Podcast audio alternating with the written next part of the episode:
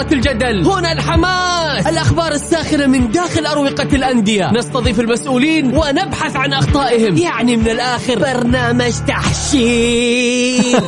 دقيقة دقيقة. تحشير إيه يا حبيبي؟ ما يحتاج كل هذا الأكشن. الوضع مختلف تماما. بناخذكم في جولة خفيفة. نناقش فيها مواضيع الرياضة ببساطة. أخبار رياضية حصريات معلومات فنية وتكتيكية ولقاءات مع لاعبين ونقاد ومسؤولين. معانا في الجولة. الآن الجولة مع محمد القحطاني على Mix FM. Mix FM هي كلها في ال mix.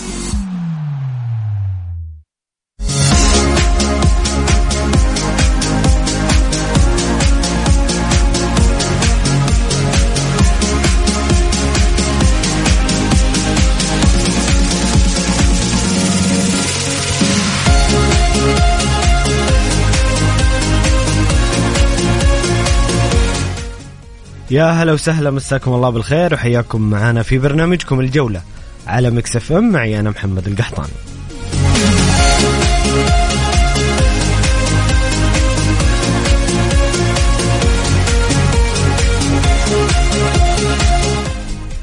اليوم تنطلق الجولة السادسة والعشرين من دوري روشن السعودي بمواجهات مهمة جدا ومثيرة في صراع السباق على اللقب بين. صاحب المركز الأول الاتحاد الذي سيلعب أمام أبها اليوم الساعة تسعة ونص في ملعب الجوهرة بجدة وستنطلق بعد قليل الساعة السابعة مباراة النصر صاحب المركز الثاني أمام الخليج والعدالة والوحدة أيضا مباراة مهمة في صراع الهبوط في دورينا غدا بإذن الله سيكون مباراة آه، ديربي القصيم بين التعاون والرائد ومباراة الفيحاء والفتح. اليوم بنتكلم بإذن الله عن مباريات دوري روشن بشكل مفصل عن جميع المباريات. شاركونا مستمعينا الكرام بتوقعاتكم لهذه المباريات وتحديدا مباراة الاتحاد اليوم أمام أبها والنصر والخليج. هل ممكن اليوم يتغير آه، مراكز الترتيب النقاط؟ هل ما هي توقعاتكم لمباراة الاتحاد مع أبها والنصر والخليج؟ كذلك سنتحدث في الساعة الثانية بإذن الله. ناخذ آه، جولة في أوروبا. على ملخص ال Premier League الدوري الإنجليزي وكذلك الدوري الإيطالي والدوري الأسباني. كل ذلك في ثنايا الحلقة. خليكم معنا على السمع.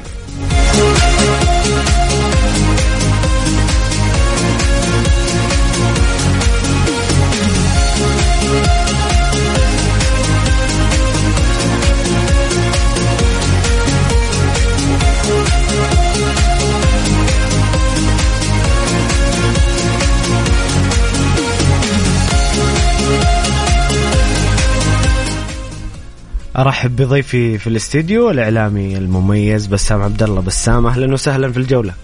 هلا والله محمد امسي عليك ومسي على كل السادة المستمعين وإن شاء الله حلقة جميلة حلقة مثرية في الجولة دائما كما عودتنا الجولة دائما مثيرة ومميزة. جميل بسام. آه، خلينا قبل ما نبدأ عن نتحدث عن المباريات المهمة اليوم في دوري روشن السعودي. أول شيء يقول لك بسام hard luck الخسارة في نهائي آه، أبطال آسيا. آه، كان ممكن الهلال أن يحقق المنجز ولكن قدر الله ما شاء. فعل. رأيك في المباراة ولماذا خسر الهلال؟ شوف محمد بكل أمانة الهلال آه، للأسف الشديد خسر خسارة كبيرة جدا بكل أمانة. أي هلالي يعي تماما قيمة وحجم هذه الخسارة. خسارة كبيرة جدا. لا أحد يقول لك هذه الخسارة عادية لا الهلال خسر خسارة كبيرة وكبيرة جدا. سببها الأول بشكل كبير وبشكل واضح جدا كانت أسباب فنية وكذلك أسباب إدارية بحتة. بصراحة أخطاء كثيرة جدا من الجهاز الفني والإداري في نادي الهلال. هذا لا يلغي أبدا أخطاء اللاعبين وكذلك نقطة جدا مهمة. إحنا ما نلغي نقول لا. أقيل فهد بن نافل شيل اللاعبين. لا لا لا لا. هذا الشيء أبدا لا يحل بهذه الطريقة ولكن في أخطاء نعم في أخطاء كبيرة جدا. في البداية أول سبب كان من أسباب الخسارة والسبب الفني لأن حمله تقريبا 60 إلى 70% من الخسارة. بداية من اختيار العناصر السيئة الأجنبية في المباراة ذهابا وإيابا. يعني أنت تتكلم في الذهاب كيف أنت عندك لاعب مثل أندري كاريو هذا اللاعب ما تستعين فيه في آه بشكل أساسي. وهذه نقطة خاطئة جدا. النقطة الأخرى أيضا تتكلم عن الجانب التكتيكي. يعني كان واضح إنه آه، رامون دياز لم يقرأ الخصم لم يقرأ آه، أوراوا ابدا. أوراوا مقفل منطقته مدافع من الخلف من الخطوط الخلفية. أنت إيش الحلول اللي سويتها يا رامون دياز اللي فك هذا التكتل؟ تمريرات فقط؟ هذا أمر غير منطقي اطلاقا واعتماد على اللاعبين.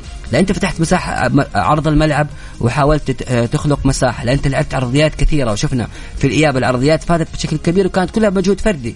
أيضا التسديدات كان حل التسديد. إذا أنت ما تعرف تسدد أو حتى الفريق ما يملك هذه الجودة على الأقل آه، أوهم الخصم بأنك بتسدد عشان يطلعوا خطوة قدام وتترك مساحة لايقاله أيضا الكرات الثابتة لم يستفد منها الهلال اطلاقا الكرات الركنية لم يستفد فيها مو بس في هذه المباراة لا.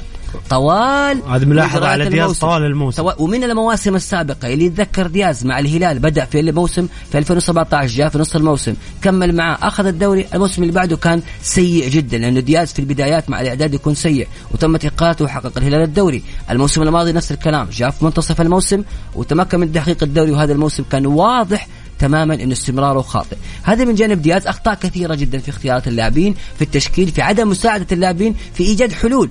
وايش نقاط ضعف أوراوا. كان هذا الشيء واضح. الجانب الإداري أنا أحمل الجانب الإداري جزء كبير من هذه النقطة. ليش؟ في البداية أنت عارف إن رامون دياز وتلك تجربة سابقة له. فإنه في في الإعداد يكون آه، مستوى منخفض هذا خطأ كبير من الإدارة. أيضا دائما رامون دياز أنت شايف إن هذا المدرب ضعيف شخصية في بعض الأمور وبالتالي أنت لاحظت هذا الشيء واستمر أيضا وكان واضح في عدد من المباريات. آه الخطأ الإداري أيضا في النقطة جدا مهمة تغفل على الجميع. الجانب الطبي الجانب الطبي كارثي يا محمد في الهلال. تتكلم من لما إصابة سلمان الفرج مع المنتخب كان متوقع يرجع بعد شهر جلس ثلاثة شهور. الإصابات المتكررة الإصابات العضلية اللاعب اللي مستواه جيد فجأة يصاب. هذه أخطاء كثيرة جدا. طيب آه، بتقول لك كيف الحل؟ الحل بأنك هذا هو سؤالي. إيش الحلول للهلال الموسم القادم بسام؟ برأيك؟ شوف بالنسبة للحلول في نادي الهلال الموسم القادم أول شيء إدارة نادي الهلال يجب أن تعي بالاخطاء اللي صارت. يجب أنك تتأكد إن هذه أخطاء. النقطة الأولى وهي نقطة أساسية مهمة جدا. الاحلال في الجانب الطبي تماما جلب كادر طبي مناسب يناسب هؤلاء الأسماء يناسب اللاعبين. الجانب الفني طبعا لا غنى ابدا يعني انت لازم يعني مسألة استمرار بس هذا هذا أول ملف في الهلال سيكون. ملف منتهي. ملف جهاز فني جديد. ملف منتهي تماما. يعني قالت رامون دياز كانت المفروض تكون قبل كأس العالم وكان في اجتماع وكان الكل قريب كان آه، في آه، موجة بأنه دياز سيقال ولكن المستوى اللي ظهر فيه في كأس العالم آه، أدى إلى ذلك. والسبب بكل أمانة بالنسبة للجانب الفني ترى واضح للجميع. الكل يعلم ذلك إنه الهلال الهلال هم من قدموا المستويات الجيدة. بالنسبة للجانب الفني أنا ما شفت أي لمسة اطلاقا من رامون دياز. والدليل واضح اللاعبين الكويسين والمواهب في نادي الهلال أصبحوا سيئين. ناصر الدوسري سعود عبد الحميد محمد كنو خليفة الدوسري في بعض المواقف. أسماء كثيرة جدا تشوف مستواها سيء. سالم الدوسري. أنت تشوف إن دياز ما طور أكيد. المواهب في الهلال ولا صقلهم. يعني محمد في كلمة معروفة والكل يمكن يعرفها. إذا شفت الفريق كله سيء أجل المشكلة في المدرب. واضحة هي واحد زائد واحد يساوي اثنين. إذا شفت الجمهور ينتقد أكثر من ثلاثة أربعة لاعبين في الفريق اعرف إنه المشكلة فنية في الجهاز. أيضا الهلال يحتاج إلى آه، تغيير في بعض الأجانب وإضافة لاعبين محليين في خانات الأجنحة، الهلال يحتاج لأجنحة على الأقل ثلاثة أجنحة، اثنين أجانب أو واحد واثنين محليين، حتى بعض الأسماء اللي تكون في نادي الهلال آه، تعرف إنه في أسماء خلفها، فمثل سالم الدوسري اللي كان سبب أساسي في خسارة الهلال لهذا اللقب يجب أن يعي بأنه هناك دكة أفضل منه ولا يكون هو الشخص اللي ماسك زمام نادي الهلال أيضا سلمان الفرج سلمان الفرج أنا ما أعيبه لأنه عنده إصابات ولكن مو لازم تعتمد عليه طوال الموسم تحتاج إنك تجيب محور ثمانية وبالتالي في حال أنت غبت سلمان الفرج في البديل الجاهز أو أنت تكون سلمان بديل وبالتالي يكون عندك وقت للراحة. آه هذه أشياء كثيرة جدا تحتاج الإدارة أن تصححها، أيضا الجانب الإداري في الفريق بكل أمانة. سعود كريري ما قصر يعطيك العافية. ولكن يحتاج الهلال إلى شخصية شرسة داخل البيت محاولة آه، تقريب وجهات النظر. ولكن يكون في شخص حازم نوعا ما. بعض التساهل الكثير يا محمد اللي يصير ترى مو هو مناسب أحيانا. يعني يناسب في أوقات ولكن في أوقات تحتاج أنت نوعا ما من الحزم. أتمنى هذه الأشياء كثيرة ممكن تصير في نادي الهلال لكي يعود الفريق إلى سابق عهده. الهلال إنجازات بطولات ألقاب. ولكن ترى إذا استمر الهلال بهذه الطريقة فهو رايح إلى الهاوية رايح إلى الانحدار. فأنت لازم يجب أن آه، تقرأ الموقف من بدري وما يصير لك زي ما صار في الاتحاد والجيل اللي كان في 2009 شفنا كيف الهبوط الحاد اللي صار فيه. سؤال أخير بسام بخصوص الهلال، ما تشوف إنه كان في مبالغة أو قسوة زائدة في النقد على الهلال ولاعبي الهلال؟ آه لا خصوصا إن الفريق يعني بعد كأس العالم قدم بطولة تاريخية مر بضغط مباريات آه ما بقول الفريق أو العناصر تشبعت من البطولات ولكن بحكم يعني هو هذا أمر ذهني استنزاف ذهني دائم المنافسة على البطولات صحيح. فممكن يعني الهلال ممكن الهلاليين يقولون هذه كبوة جواد الفريق هذا الموسم فقط شوف آه بالنسبة لي ال- الهجوم اللي صار الكبير على على اللاعبين. بأمانة أنا يمكن كثير يقول لك أنت توقف في صف اللاعبين إحنا نحتاج ونحتاج. أوكي نحتاج ولكن بكل أمانة خلينا ناخذ على واحدة واحدة.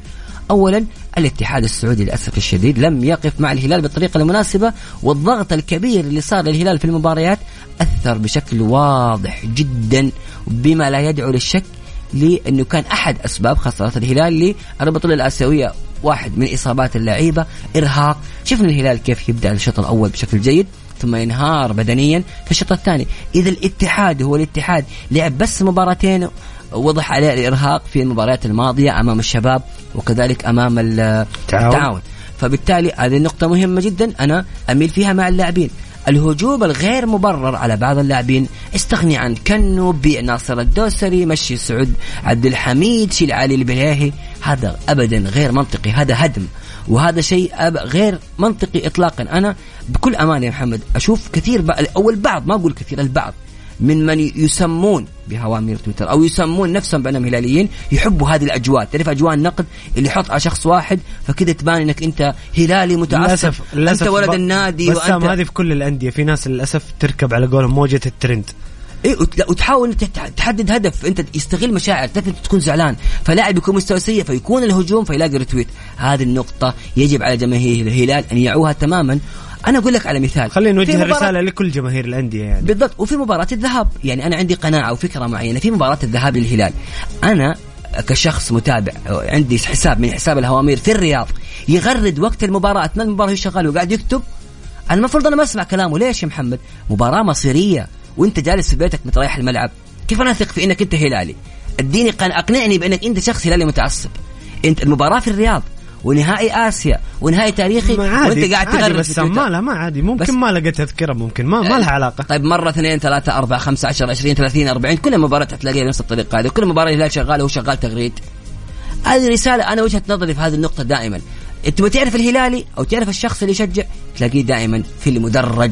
اللي يحضر في المدرج هذا تثق في كلامه لأنه يحب النادي. أما غير كذا يدور اللي أنت عارفه ال tweet و live و... طيب جميل بسام أنتم مستمعين الكرام اللي تسمعون اليوم توقعاتكم لمباريات اليوم. في دوري روشن المباريات مهمة جدا الاتحاد أمام أبها والنصر أمام الخليج والعدالة أمام الوحدة. شاركونا بآرائكم وتعليقاتكم على دوري روشن ومباريات اليوم على الواتساب الخاص مكسفم على الرقم 054 88 11 700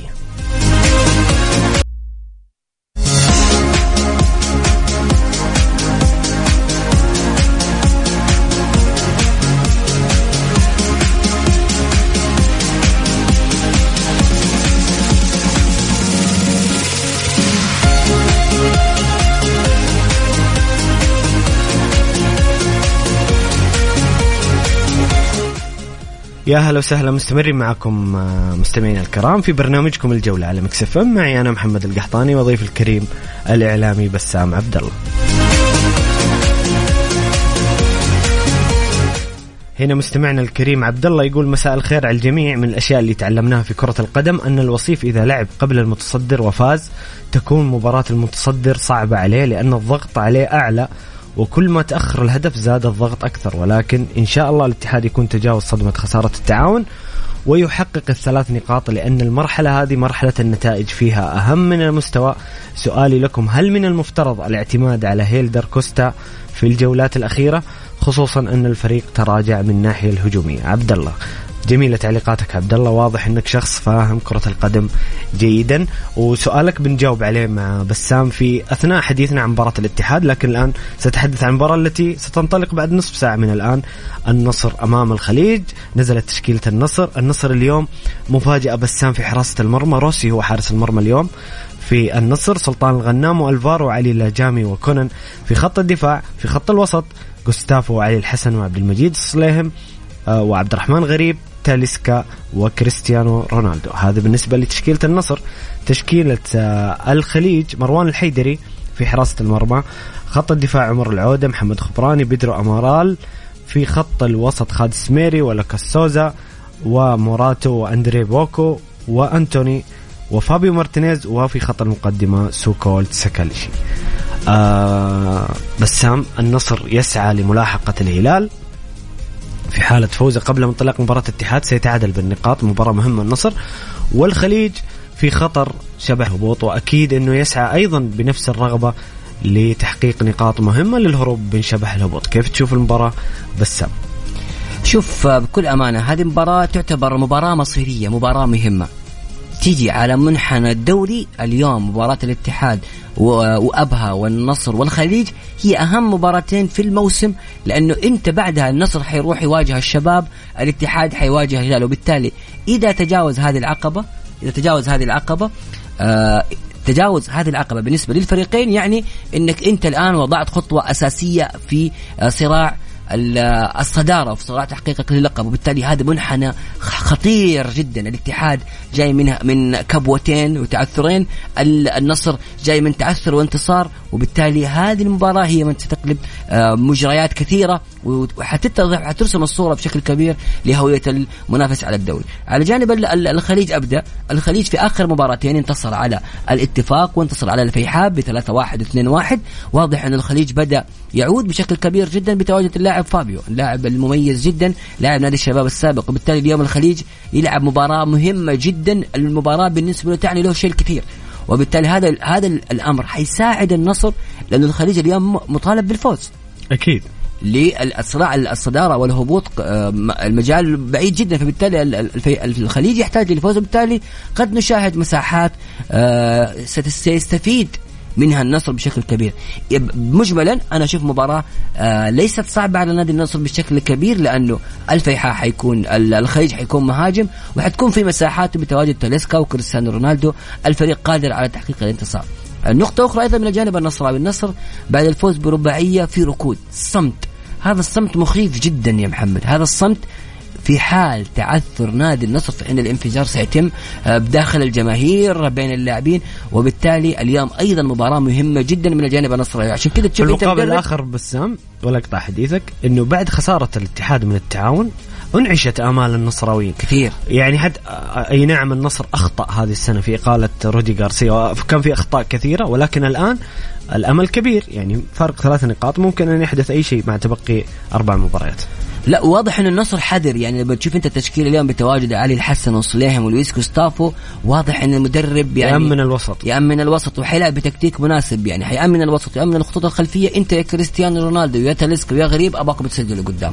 هذا هذا الرسم التكتيكي اللي واضح وهذا الرسم أشوفه مناسب جدا لنادي الخليج ولمباراه من هذا النوع لأنه الخليج قلت لك أنا محمد لن يكون متراجعا ما حيكون متراجع في الخلف آه، طوال مجريات المباراة. حيبدأ يحاول يصعد نوعا ما آه، فريقه ويحاول يسجل يحاول يخطف هدف وهنا حتكون فرصة نادي النصر في التسجيل. في مشكلة جدا كبيرة في نادي النصر نادي النصر في حال إنه ما سجل هدف في البداية فالفريق يبدأ يدخل في مرحلة الشك والتوهان وهذه النقطة لاحظناها في كثير من المباريات. وهذه الجزئيه اللي دائما إحنا نلاحظ النصر يسجل من البداية. وإذا ما سجل النصر في أول 20 دقيقة هنا تبدأ المشكلة ويبدأ الفريق يتجرأ الفريق الخصم يتجرأ على نادي النصر. أتوقع عليه مباراة آه، متوسطة صعبة نوعا ما وليست صعبه بشكل كبير كقراءة فنية. وأتوقع النصر قادر على تحقيق نتيجة إيجابية اليوم. وفي وزي ما قال يمكن أخونا على سؤاله سؤال ترى مهم. وحساس. فعلا هو هو ذكر إن النصر سيلعب قبل الاتحاد. ممكن النصر في حالة فوزه يعدل النقاط. هذا يشكل ضغط على الاتحاد وهذا تصير في كل دوريات العالم. ويعني شوف هي تشكل ضغط ولكن بكل أمانة لا أحد يأخذها من جانب الآخر إنه والله أنا قاعد أساعد فلان على فلان. لا هذه النقطة آه، عادية جدا. صحيح تشكل ضغط ولكن أيضا النصر اليوم حيلعب وهو تعرف أنت محمد إن الخسارة تعني إن الاتحاد خلاص حينفرد. وبالتالي أيضا الجانب النصراوي يقدر يقول هذه النقطة يقول أنا حلعب مباراة قبل الاتحاد وأنا تايه فالاتحاد يلعب بعدها مرتاح شافني فزت فزت آه، آه، ضغط وفاز شافني خسرت حلعب هو مرتاح وبالتالي هي دائما تنعكس على جانبين آه، في أكيد أكيد لو في حالة تعثر النصر ستكون مباراة الاتحاد بأريحية أكبر. عموما مستمعين الكرام شاركونا بتوقعاتكم وراءكم لمباراة الاتحاد وأبها والنصر والخليج وكذلك العدالة ولحد مباريات اليوم في دوري روشن السعودي على الواتساب الخاص Mix FM على الرقم 054 88 11700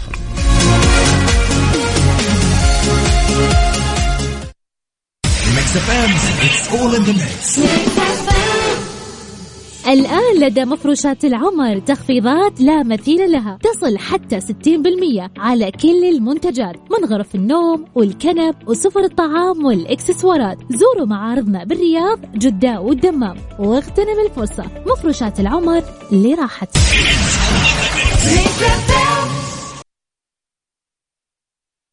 الجولة مع محمد القحطاني على Mix FM. Mix FM هي كلها في ال mix.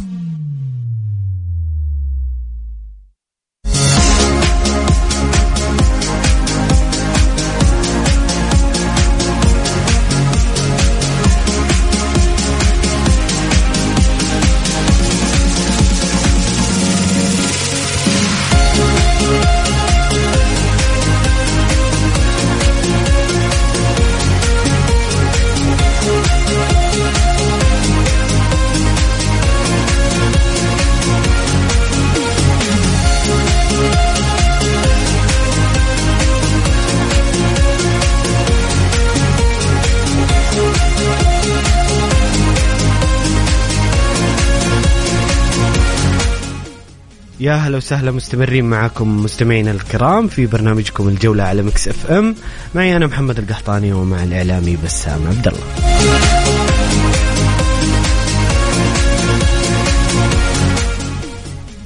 بسام مباراة الاتحاد أيضا مهمة أمام أبها.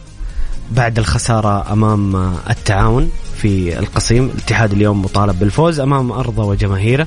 أبها في وضع دافئ نوعا ما.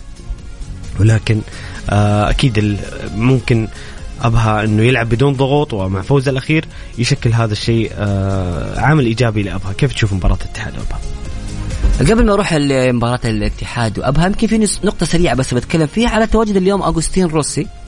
تواجد اليوم كان مفاجئ زي ما قلت يا محمد مفاجئ بشكل كبير جدا أيضا خاصة بعد الأنباء اللي ظهرت بأن اللاعب يريد العودة ويحاول فسخ العقد قد تكون هذه مراضاة وإعطاء فرصة أخرى للحارس أغوستين روسي لإثبات نفسه نوعا ما مع الجانب النصراوي بعد تألق اللاعب نواف العقيدي.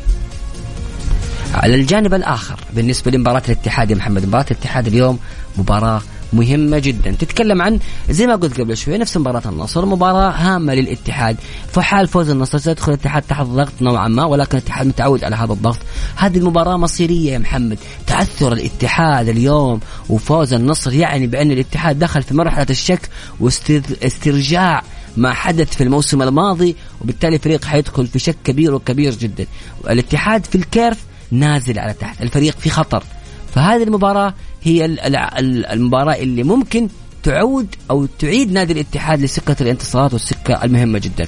بالنسبة للجانب الأبهاوي، أبها في منطقة دافئة، في مكان ممتاز، نادي حيلعب بدون أي ضغوط، وهذه دائما المباريات اللي تشكل مشاكل على الاتحاد وعلى كل الأندية، الاتحاد عانى مع التعاون لأن التعاون في منطقة دافئة الاتحاد عانى في فترة سابقة في الموسم الماضي مع نادي الفتح. نذكر التعادل 4 4 وكان الفتح في آه، وضع مريح ومريح جدا. أيضا مع الطائف في الموسم الماضي الاتحاد والأند الاتحاد بشكل عام يعاني مع الأندية اللي عندها راحة. اليوم أبها مرتاح الفريق الاتحاد سيدخل تحت ضغط لمحاولة آه إنهاء المباراة بشكل مبكر. وخاصة أن الفريق يعاني بدنيا. يمكن فترة الراحة اللي صارت الآن حتساعد اللاعبين ولكن الاتحاد واضح أنه في إنه شبه انهيار بدني لبعض اللاعبين. تتكلم عن كورونادو تتكلم عن رومارينيو تتكلم عن حمد الله آه، بتتكلم أيضا عن أحمد حجازي. على المدرب نونو سانتو إنه إعطاء الثقة لبعض اللاعبين وبكل أمانة يعني هارون كمال يستحق فرصة أكبر في آه، مع الاتحاد في المباريات القادمة أو في مباراة اليوم بالتحديد. يعني الاتحاد يعاني في ناحية الأطراف في الجانب اللياقي خلينا ناخذ سؤال عبد الله اللي يقول هل من المفترض الاعتماد على هيلدر كوستا في الجولات الأخيرة خصوصا إن الفريق تراجع في الناحية الهجومية؟ تشوف بسام انه نونو سانتو ممكن يشرك هيلدر كوستا أساسي من ابتداء مباراة اليوم؟ بصراحة شوف يا محمد هذه الجزئية تكلمنا فيها كثير، هيلدر كوستا أنت عندك الآن الفريق في أسهم نازلة في curve نازل لل... آه بالنسبة لبعض لاعبي الاتحاد أو أغلب لاعبي الاتحاد، أنت هنا يجب أنك تعمل صدمة، صدمة في هيلدر كوستا وخاصة إن هيلدر كوستا قدم مباراة جيدة جدا أمام نادي الهلال وبالتالي هذا اللاعب عنده فرصة الآن لأنه يتواجد مع الفريق بديلا عن إما برونو هنريكي أو كورنادو اللي ظاهر بمستوى متراجع بشكل كبير تخفف الضغط عن اللاعب في هذه المباراة لكي تستعيده في مباراة نادي الهلال. أنا كنت أنا بصراحة أتمنى تواجد هيلدر كوستا اليوم في مباراة وإراحة إما كورنادو أو رومارينيو أو آه، آه، برونو هنريكي لاظهار هؤلاء اللاعبين أو واحد منهم في المباراه القادمة أمام الهلال. وبكذا أنت تكون صنعت توليفة جيدة. أيضا في نفس النقطة أنت تشاهد انهيار بدني وفني كبير للاعبين مؤثرين كانوا في الاتحاد. عبد العزيز البيشي وعبد الرحمن العبود. عشان كذا نقول لك لا اليوم يحتاج الاتحاد للتواجد واضح من سؤال عبد الله في مشكلة في الاتحاد في الجناح الأيمن. مشكلة كبيرة جدا يا محمد وأيضا تحتاج أنت تجديد الدماء. يعني لما تتكلم آه، في وجود هارون كمارا في الشوط الثاني أو في الأوقات أخرى ووجود هيلدر كوستا أنت صنعت توليفة جديدة وبالتالي حتى الخصم يكون يبدأ آه، يكون حتى قراءته ضعيفة نوعا ما لما يحدث في في الفريق. وبالتالي أنا أرى إنه هيلدر كوستا سؤال فني مهم جدا وكنت حتكلم فيه وتكلمت فيه كثير. هيلدر كوستا أتوقع تواجده مهم جدا في مباراة اليوم. آه، ممكن يكون أيضا بديلا لطارق حامد. ليش لا؟ الاتحاد يلعب بشكل هجومي. انت في هذه المباراة تحتاج فيها إلى الفوز. كل شيء وارد وأرى أنه كلامه صح. هيلدر كوستا أتوقع أنه هذه المباراة يحتاج أنه يأخذ فرصة أكبر. طيب جميل بسام خلينا ناخذ مشاركة آه، هنا أحمد الشمراني مستمعنا الكريم يقول مساء الخير على الكل. بالتوفيق للاتحاد من قلب الملعب أتمنى من كل الاتحادين مساندة الفريق وبالنسبة لو لا سمح الله ما حققنا الدوري الموسم الجاي لا أحد يلوم الجمهور لو إنه ما حضر لأن الجمهور ساندك من وقت ما أنت ك- كنت راح تهبط إلى أن رفعك للمنافسة. وإن شاء الله السيناريو حق الموسم اللي راح ما يتكرر. أخوك أحمد الشمراني هذا رأيه ويقول أحد يشرح لي كيف الخليج يتمرن في ملعب النصر قبل المباراة ب 24 ساعة. يعني بالنسبة للتمرين آه، يعني هو استغل دائما الأندية توجد تتواجد في آه، في المدن مثلا إذا المباراه في الرياض آه، والاتحاد يسافر يسافر على الملعب ينام يصحى يروح الملعب مباشرة لا في بعض الأندية تحاول تتدرب في نفس الملعب قبلها بيوم ما حدث أيضا شفناها كثير هذه أعتقد إنه أمر يتكرر عادي طبيعي. الخليج قرر إن أنا ألعب في نادي ألعب في الرياض مباراة عشان أتعود على الأجواء وهو أمر عادي جدا ما في أي مشكلة. النقطة الأخرى فيما يخص ال- ال- الجانب الاتحادي محمد الضغط اللي موجود الآن على لعيبة الاتحاد معكوس على الجماهير. يعني هذا الضغط. الج... يعني واضح جدا الضغط اللي اللي صاير على اللاعبين منعكس بشكل كبير جدا على الجماهير وأخشى على الاتحاد اليوم في حالة تعثر بصراحة جماهير الاتحاد يا أنت تشوف محمد تشوف أنت منتظرين بسام تكة. نقطة ردة الفعل بعد مباراة التعاون أنت تشوف إنها منطقية ولا كانت اوفر؟ لا كانت نوعا ما متوسطة ولكن حتكون أكبر بكثير في حال اليوم الاتحاد في. الأخير ما خسر إلا مباراتين في الدوري وضعه جيد حسابيا وهو قاعد الكيف زي ما قلت لك محمد الفريق بمستواه بدأ يتراجع ولكن في حال تعثر الاتحاد اليوم وفوز النصر أو حتى إذا في حال لم يفوز النصر. في حال تعثر الاتحاد اليوم محمد ردة الفعل حتكون قوية وقوية جدا. جمهور الاتحاد على التكة. عشان كذا قلت هذه المباراه منعطف خطير وخطير جدا. بس على ال ه- على ال على ال هل هو توقيت مناسب للنقد ال... خلاص أو- محمد أحيانا الجوانب العاطفية الآن أنت تتعلق بأمل كبير جدا. عودة الاتحاد للدوري بعد غياب 13 سنة. لك أن تتخيل. وفي حال تحقيقك للدوري ستشارك في كأس العالم اللي أنت غايب عنها تقريبا من 19 سنة. يا نادي الاتحاد. محمد المباراة حافز إضافي لكأس العالم للاتحاد أصبح. كبير ومرعب وصعب على جمهور الاتحاد. في نقطة خطيرة جمهور الاتحاد اللي موجود في الملعب يجب أن يكون مساند وما يكون ضاغط على جماهير نادي الاتحاد. صحيح. وأضرب مثال كبير جدا في جماهير نادي الهلال. في 2014 ضغطت على اللاعبين وخسر الفريق أمام سيدني. في نهائي آسيا. في 2017 ضغطت على على الفريق. أمام أوراوا وخسر الفريق. في 2019 كان داعم الجمهور حتى في ضياع الفرص يصفق وهذا. دور الجمهور الرئيسي. وهذا الدور. وفي الملعب. التشجيع. محمد حتى في حال ضياع الفرصة الجمهور تلاقيه يصفق ويدعم وي- ويحاول يهاجم الخصم من نهاية المباراة. فاز الهلال في لقب آسيا. في 2021 فاز الهلال بلقب دوري ابطال آسيا وكان الجمهور داعم. كل ما يخطأ اللاعب هو يسانده وهو واقف معه وفاز الفريق. إلا في 2023 لأنه زي ما قلت بعض الهوامير اللي كانوا شاحنين الجماهير مع أول غلطة لمحمد كنو أول غلطة لفلان وفلان وفلان الجمهور كان ينتقد وتشوف صياح مع كل هجمة ضايعة ضاع الفريق اللاعب مو قادر يشوت الكورة. هذه يجب أن ما يغلطها جمهور الاتحاد. أنت في الملعب اليوم أدعم الفريق إلى نهاية المباراة. بعدين حاول تنتقد بشكل صحيح وإيجابي. على نقطة بسام على نقطة ضغط الجماهير وتأثرهم بال social media أو تأثرهم بآراء بعض زي ما سميتهم أنت الهوامير. أعتقد أن الجمهور أي جمهور لأي نادي يجب أن يكون عنده وعي يعرف متى يشجع فريقه ويعرف متى وقت الانتقاد أو وقت ال... وقت إنه يتكلم عن أخطاء الفريق. أحيانا في أوقات في الموسم ما يجب إنك ما هو وقت نقد وقت الدعم والتشجيع فقط وبالحضور في الملعب. يعني زي مثلا الهلال بعد ما ينتهي كأس الملك ممكن الهلاليين يعني على سبيل المثال بعد ما ينتهي نهائي كأس الملك سواء فاز الهلال أو خسر الله أعلم بنتيجه المباراة. بعدها يتكلم الهلاليين براحتهم. انتهى الموسم. ولكن أحيانا النقد يعني زي مثلا يقول لك الهلال الآن ما ينفع تنتقد الهلاليين وتظهر الأخطاء إلا بعد نهائي كاس الملك. جميل. أنت بشكل عام مو مو هي مسألة وعي جمهور أكثر من إنها تأثر؟ أنا حسألك عن شيء وابغاك أنت تجاوبني يا محمد وأيضا اللي قاعد يسمعني الجمهور سواء هلالي أو غير هلالي يجاوبني. أنا أديك الرأي الكبير اللي راح من جمهور الهلال. ماذا كان؟ كان إيش يا محمد؟ ابعاد سلمان سلمان الفرج عن الفريق. خلاص بيع سلمان الفرج. بيع محمد كنو. بيع سالم الدوسري. بيع سعود عبد الحميد. بيع ناصر الدوسري. لا ما هو هل ترى مو بان مو, ultimate team هو. بس بس محمد واللي قاعد يسمعني والله يا ريت. هل هذا الشيء منطقي؟ بأمانة يعني أنت تسمع محمد هذه الخمسة أنا أشيلها من الفريق. تتوقع أن الهلال حيستمر بنجاحاته الكبيرة؟ لا هذا أكيد يعني أداة هدم لكل الأندية. أي نادي يفكر بهذه الطريقة لن ينجح. بس يعني حتى تسمع هل ما في منطق؟ محمد تسمع الموضوع ما في منطق.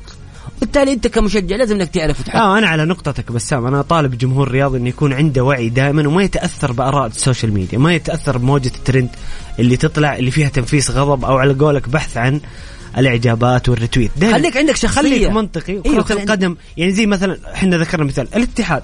الاتحاد طول الموسم خسر مباراتين. أنا ما أش... أنا أشوف إنه كانت ردة الفعل فيها مبالغة. الاتحاد ما زال أفضل فريق في الدوري.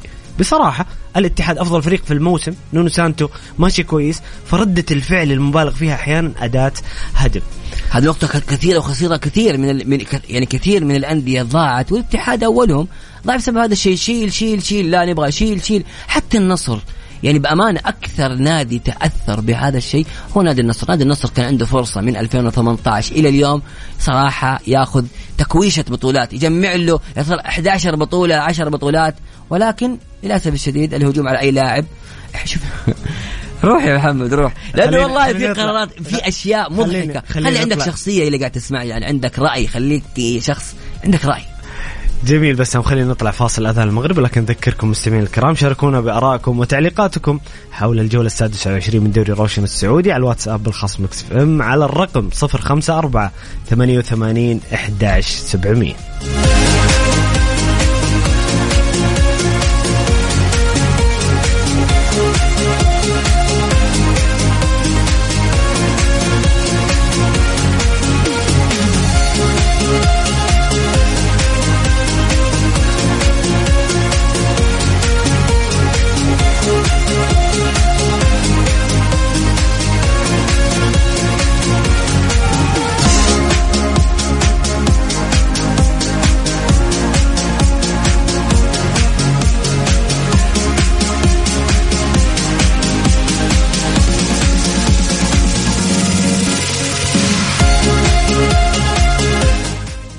يا هلا وسهلا مستمرين معاكم مستمعين الكرام في برنامجكم الجولة على Mix FM. معي أنا محمد القحطاني وضيفي الإعلامي بسام عبد الله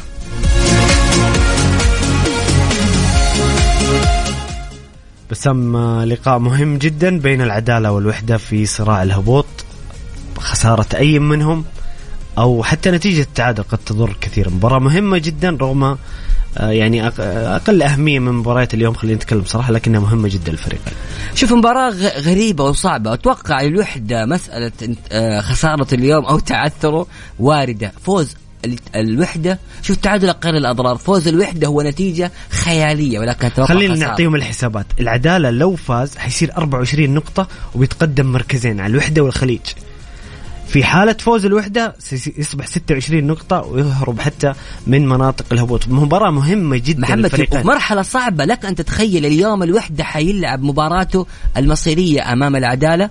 ويفكر في نهائي كأس الملك اليوم الجمعة. وبالتالي إيش أهم من يعني كلها ثنتين مهمة. كلها جدا ضرورة قصوى. جدا تاريخية. واحدة بتخليك في الدوري وتريحك بشكل كبير واحدة بتخليك تدخل التاريخ. وبالتالي محمد مباراة آه، صعبة صعبة صعبة جدا على الوحدة.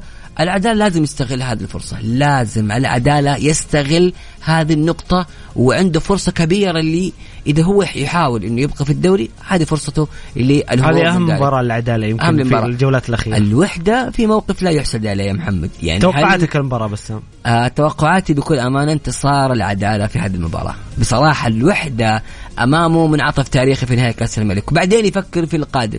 وبصراحة بس بيكون بس لو لو لو خسر الوحدة اليوم بيكون وضعه صعب. وضعه صعب جدا. صعب جدا. لك أن تتخيل الخليج فاز. الخليج إذا فاز وتعادل يصير الوحدة المركزي قبل الأخير. وبالتالي دخل مرحلة الهبوط. يعني بصراحة الوحدة لو أنا مكان الجهاز الإداري في نادي الوحدة بكل أمانة يا محمد ألعب على المباراة هذه باني لازم أفوز. وفوزه يا محمد يعني إنه قطع قطع خطوة كبيرة جدا في البقاء. أكيد إيه. خطوة مهمة لأنك أنت تلعب مع منافس وهذا الشيء يكسبك ست نقاط. أيضا يمكن الواحد يلعب على التعادل. التعادل يا ميت فريقك ما يتعب وأيضا يظل الفارق زي ما هو. طيب جميل. لأنه بس ما عاد عندي وقت عشان نشرة الأخبار. هنا مستمعنا الكريم ما ذكر اسمه يقول السلام عليكم ورحمة الله وبركاته. معليش كلامكم مستفز جدا بخصوص جمهور الهلال. طيب أول حاجة إحنا تكلمنا أنا بعطيك المجال بسام بس إحنا تكلمنا عن الجمهور بشكل عام وردة فعله بشكل عام وتأثره بال social media بشكل عام. بسام يمكن فصل في موضوع الهلال بما إنه حالة حدثت قبل يومين. بسام تفضل. ما أعرف إيش يقصد آه، بجمهور الهلال. ما أعرف أنا كيف غلطت يمكن يمكن على جمهور يمكن الهلال. هو شوف هو يمكن, هو يمكن غلط أنا خلينا نقول نقاط. يمكن قصده إنه ما, ما في دعم في 2017 و2000 لا أنا أتوقع أتوقع يا محمد ممكن هذه جزئية. أو الجزء الآخر اللي يقول تأثر بتويتر؟ أيوه أو تأثر بال social media؟ أيوه إنه متأثرين بال social media وإنه أنا قلت آه، إنه إنه الجمهور الهلال طالب بيبعد كأنه وا وا وا وا. طيب هذا الشيء اللي صار على السوشيال ميديا. تمام؟ هذا شيء صار. حدث واقع تماما. كل الاغلب الأغلب الجماهير اللي في تويتر كتبت هذا الشيء. طيب أنا عندي قناعة تامة. جمهور التويتر جمهور التويتر اللي يغرد كثير أنا أنا أشك. في الموضوع هذا. جمهور الهلال أنا أشوفه في الملعب. أنا تبي تعرف الجمهور الحقيقي؟ هنا هنا في كاتب عشان عشان أوصل وجهة نظره. يقول يا أخي مو كل واحد يقول هلالي يعني هلالي بالضبط. أنا أنا وهذا النقطة اللي أنا بحددها بشكل كبير لأنه في كثير متأثرين فيها يا محمد. إحنا نشوف ونتابع. آه، فلان يكتب تغريدة في 5000 واحد يعزز نفس الموضوع. إذا كنت أنت هلالي وما عشت الإنجازات جديد أنت فريش لسه فهذه مشكلتك يا أخي. طيب جميل. بسام إحنا كذا مستمعين الكرام وصلنا لنهاية الساعة الأولى من برنامجكم الجولة على مكسف بإذن الله في الساعة الثانية مع بسام سنأخذ جولة أوروبية على الدوري الإنجليزي والدوري الإيطالي وكذلك الدوري الإسباني أبرز النتائج وجداول الترتيب والهدافين. نتكلم عن صراع مقاعد دوري الأبطال وصراع اللقب. شاركونا بارائكم وتعليقاتكم على الواتساب الخاص مكس إف إم على الرقم 054 88 11700 Thank you.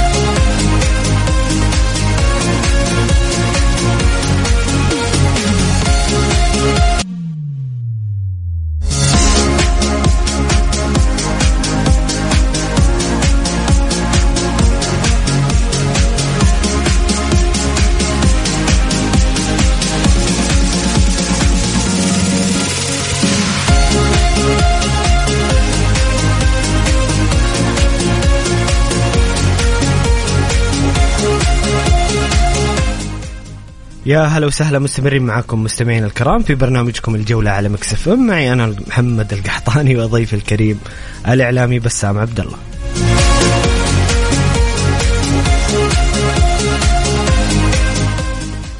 ساعتنا الثانية نسلط الضوء ناخذ لنا كذا جولة على الدوريات الأوروبية وأبرز المباريات والنتائج وأيضا جدول الهدافين ونتناقش معكم ومع ضيفنا الكريم بسام عبد الله عن مباريات القمة في هذه البطولات.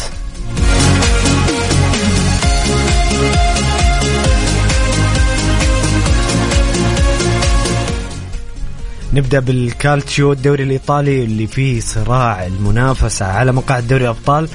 يمكن أكثر دوري فيه إثارة على هذه النقطة تحديدا بعد حسم بعد حسم نابولي لبطولة الدوري في الجولة قبل الماضية. بصراحة كان احتفالات جمهور نابولي باللقب احتفالات كبيرة بعد غياب 33 عام منذ طيب الذكر الراحل دييغو مارادونا. نابولي يحقق الدوري بمتعة كبيرة واحد أكبر الفرق في أوروبا. خلينا نستعرض نتائج المباريات بسام ونتحدث عن صراع دوري الأبطال وحسم نابولي للقب. في الأسبوع الرابع والثلاثين بدأت آه، مباريات آه، الجولة بقمة كبيرة بين ميلان ولاتسيو انتهت بفوز ميلان على لاتسيو بهدفين مقابل لا شيء. سجل إسماعيل بن ناصر وثيو هرنانديز هدف هدف بوشكاشي من ثيو هرنانديز. صراحة هدف جميل وعودنا دائما ثيو هرنانديز كل موسم يسجل هدف جميل. فوز كان مهم جدا لميلان في صراع دوري مقعد دوري أبطال أوروبا. إنتر يواصل مستويات المميزة مؤخرا وينتزع فوز مهم أيضا في قمة أخرى أمام روما بهدفين مقابل لا شيء سجل دي ماركو هدف الإنتر الأول والهدف الثاني روميلو لوكاكو في المباريات الأخرى كريمونيزي يفوز على سبيزيا 2-0 يوفي فوز مهم أيضا آه، في صراع آه، دوري الابطال يبعد منافس رئيسي وهو أتلانتا بهدفين مقابل لا شيء سجل إيلينج النجم الشاب الهدف الأول ودوشان فلاهوفيتش الهدف الثاني. تورينو ومونزا تعادل واحد واحد. نابولي يحتفل في مباراة محسومة اللقب ولكن يحتفل بفوزه على فيورنتينا على ملعبه بهدف مقابل لا شيء سجل فوكتر أوسمن وليتشي وهيلاس فيرونا واحد صفر لصالح فيرونا. اليوم بيكون في جولات ستنطلق عفوا في مباراة ستنطلق بعد قليل امبولي ساليرنيتانا أودينيزي سامبدوريا وساسولو بولونيا. بسام خليني أبدأ معك بقمة ميلان ولاتسيو. ميلان يعزز فرصه في دوري الأبطال بشكل كبير. ويصعد على حساب لاتسيو بهدفين مقابل لا شيء. أولا محمد آه، بتكلم بس بشكل سريع قبل ما أدخل في مباراة الميلان على صراع الدوري الإيطالي على المقاعد الأوروبية. أنت تعرف الصراع هذا آه، ليش صعب وليش مميز وليش قوي؟ بغض النظر طبعا إحنا نشوف الفارق النقطي الآن بين صاحب المركز الثاني اللي هو يوفنتوس 66 يوفنتوس تقريبا بعد بشكل كبير يوفنتوس 66 64 لاتسيو إنتر 63 طيب تيجي بعد الخامس والسادس والسابع الميلان 61 بفارق نقطتين عن الإنتر آه، وبفارق. ثلاث. ثلاث نقاط عن لاتسيو. أت...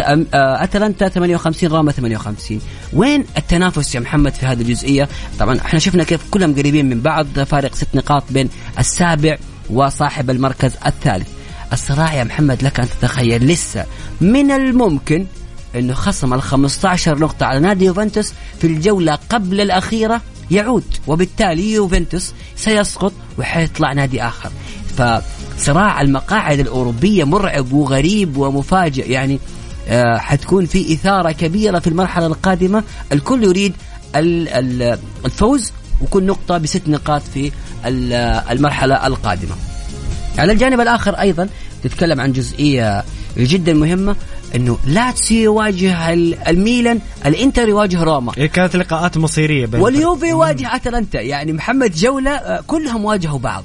فانتصر اليوفي والإنتر والميلان. الميلان أمام لاتسيو بصراحة انتصار كان آه، رائع جدا. شفنا إحنا الهدف الكبير والرائع جدا لثيو هرنانديز. وميلان بكل أمانة ماشي بخطة ثابتة.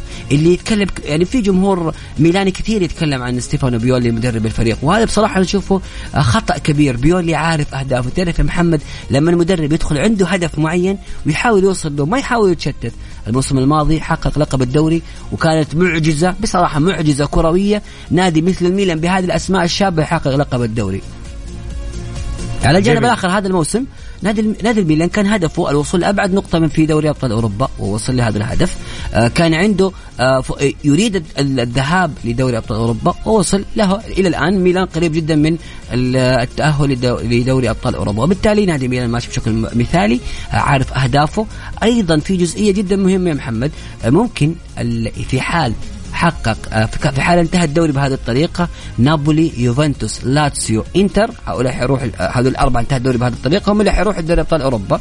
تمام؟ الميلان في حال حقق لقب دوري أبطال أوروبا فحيكون خامس نادي إيطالي يذهب لدوري أبطال أوروبا وروما في حال حقق لقب الدوري الأوروبي فانه سيصبح سادس نادي إيطالي يذهب لدوري آه، أبطال أوروبا. أتوقع حتكون ستة أندية إيطالية وهي لأول مرة. والانتر ينطبق عليه نفس الشيء لو والإنتر ينطبق واليوفي أيضا ما اليوفي حتى لو هبط. وبالتالي ممكن نشوف ستة أندية إيطالية تشارك في دوري أبطال أوروبا. هل هذا النظام مسموح؟ أتوقع أيوه. يعني بصراحة ما في معلومة واضحة عن هذه الجزئية. فالصراع جدا رائع ومثير أعتقد جدا في اعتقد بس أنا مش متأكد. بس أعتقد خمسة يروحوا بس.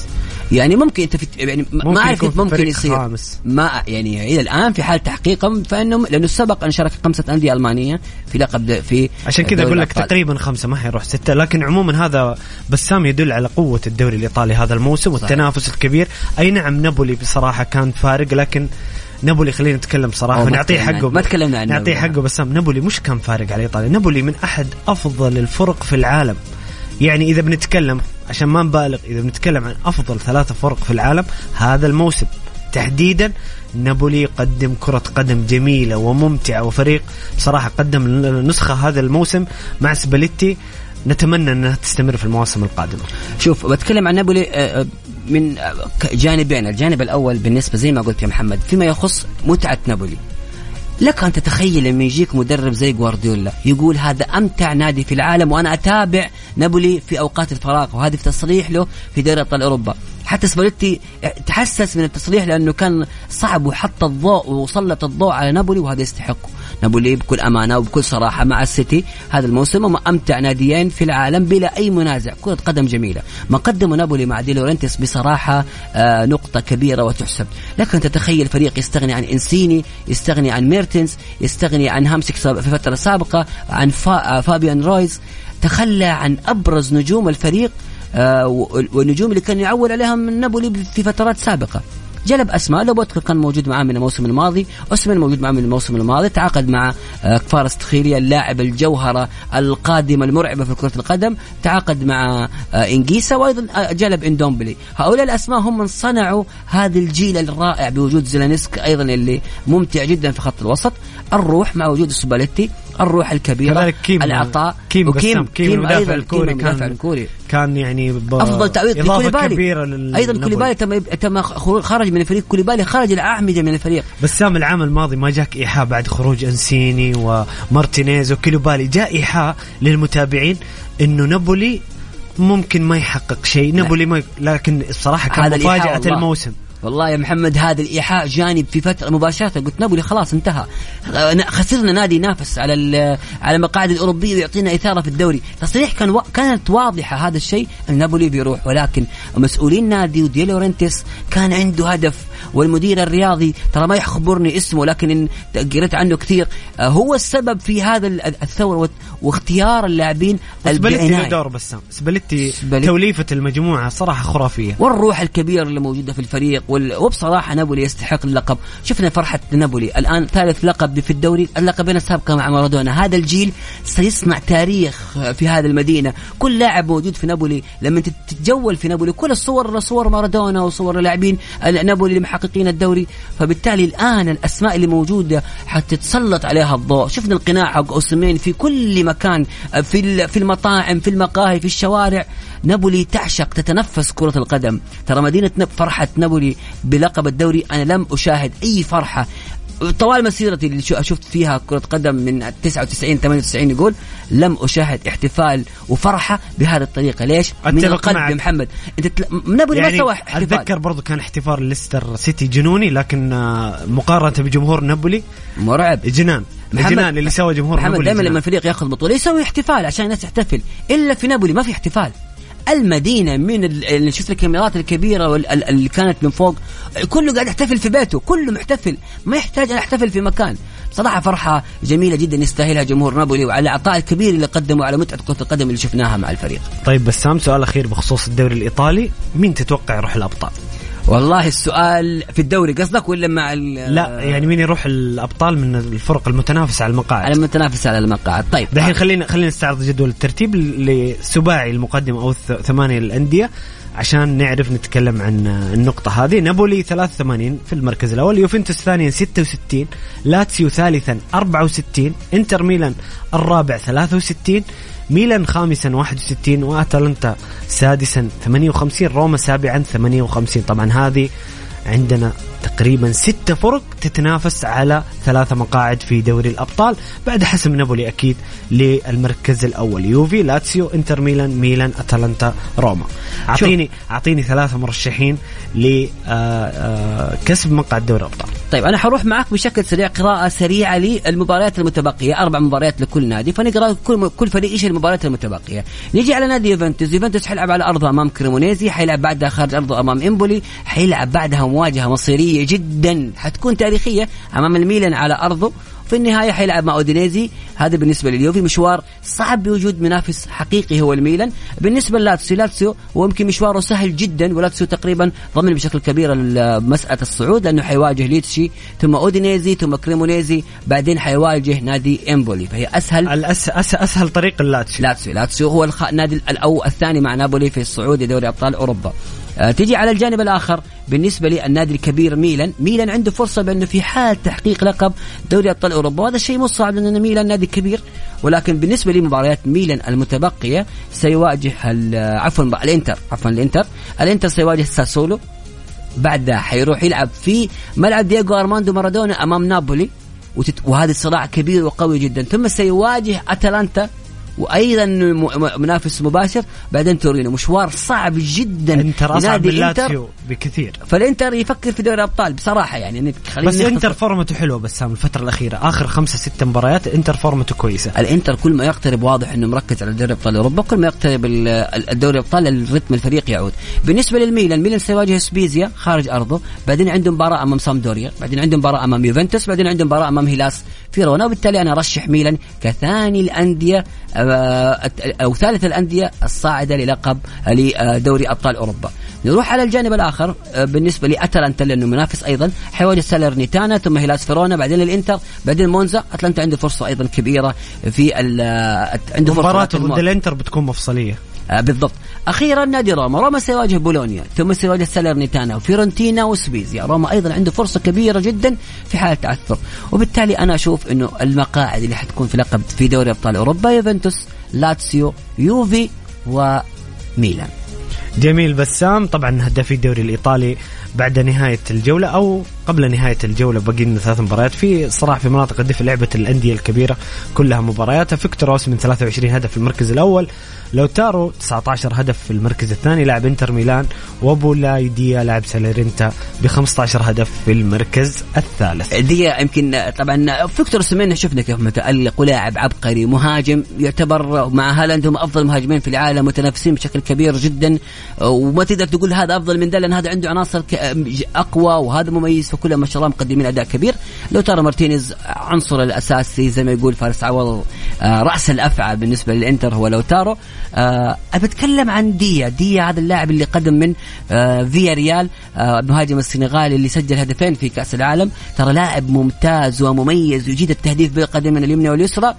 ولك أن تتخيل هذا كان سبب في أنه نابولي ما يتوج على أرضه مباراة كان الكل متوقع بالنابولي سجل هدف التعادل. هدف رائع جدا. ترى وعنصر أتوقع ما أتوقع ابدا استمراره مع نادي سالرنيتانا. أنا متأكد تماما بأنه حينتقل لأحد الأندية الكبيرة في الدوري الإيطالي. نحن نسمع كثير أنه الميلان يريد هذا اللاعب لاتسيو أيضا يريد هذا اللاعب. جميل بسام هذا كان ملخص الدوري الإيطالي الكالتشيو لهذا الأسبوع. أنتم مستمعين الكرام شاركونا بآرائكم وتعليقاتكم حول الدوريات الأوروبية. أفضل لاعب شفتوه لهذا الأسبوع أفضل هدف ومتوقعاتكم لصراعات دوري الأبطال واللي الدوري الإنجليزي اللي بيكون محورنا القادم. شاركونا بآرائكم وتعليقاتكم على الواتساب الخاص Mix FM على الرقم 054 88 11 700 الجولة مع محمد القحطاني على Mix FM. Mix FM هي كلها في ال Mix.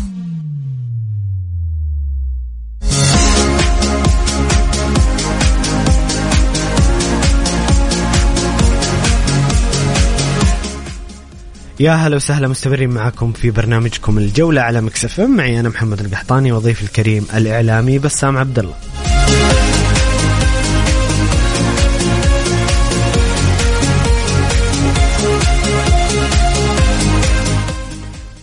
الآن محورنا نسلط الضوء على ال Premier League الدوري الإنجليزي والجولة الخامسة والثلاثين. بدأت بمباراة مانشستر سيتي وليدز يونايتد.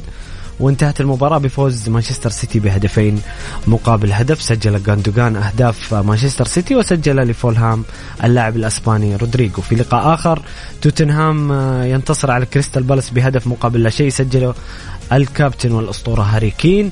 ولفرهامبتون فوز مهم في صراع الهروب من مناطق الهبوط وفوز على أستون فيلا بهدف مقابل لا شيء سجل جوميز تشيلسي يستعيد نغمة الانتصارات بعد غياب طويل مع لامبارد وفوز. تخيلوا أن نتحدث أن هذا الفوز لتشيلسي كان هو الفوز الذي ضمن البقاء لتشيلسي في ال Premier League هذا الموسم. تخيلوا تشيلسي في هذا الوضع السيء. انتصرت تشيلسي وضمن البقاء على بورنموث بثلاثة أهداف مقابل هدف سجل جالاجر الهدف الأول وبادياشيلي الهدف الثاني وجواو فيليكس الهدف الثالث بينما سجل ماتياس فينيا هدف بورموث الوحيد. ليفربول يواصل آه، انتصاراته المتتالية ويقترب كثيرا من مربع دوري الأبطال بفوزه على برنتفورد بهدف مقابل لا شيء. سجل الأسطورة محمد صلاح محمد صلاح اللي كل مباراة يكسر رقم قياسي بصراحة استمرارية محمد صلاح لستة مواسم بتسجيل هذه الأهداف. وهذا التأثير على فريقه شيء كبير جدا ويجب المرور عليه وعدم تجاهله أبدا محمد صلاح.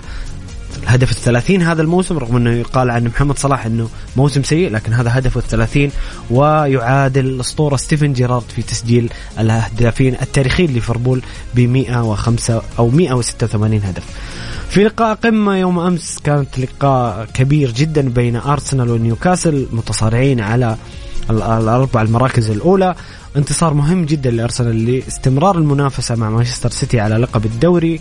سجل أوديغارد آه، أحد أفضل لاعبي الدوري بصراحة هذا الموسم. الهدف الأول وفابيان شار بالخطأ في مرمى أهداف أرسنال. آخر لقاءات آه، الجولة كان بين ويست هام ومانشستر آه، يونايتد. يوم أمس انتصر ويست هام بنتيجة 1-0 لنجمنا العربي الجزائري سعيد بن رحمة. وفي لقاءات اليوم أيضا فولهام وليستر سيتي لقاء انتهى بخماسية لفولهام مقابل ثلاثة أهداف. بصراحة ليستر سيتي في وضع صعب الآن في مراكز الهبوط. هذا الفريق الذي فاز بدوري الإنجليزي عام 2015 الآن هو قريب جدا من الهبوط بعد الهزيمة بخماسية مقابل ثلاثة. طبعا اليوم في مباراة بتبدأ بعد قليل برايتون وإيفرتون. أيضا مهمة جدا لبرايتون في صراع دوري الأبطال وإيفرتون في الهروب من شبح الهبوط. كذلك نوتنغهام فورست وساوثهامبتون لقاء مهم جدا. في آه، الهروب من شبح الهبوط.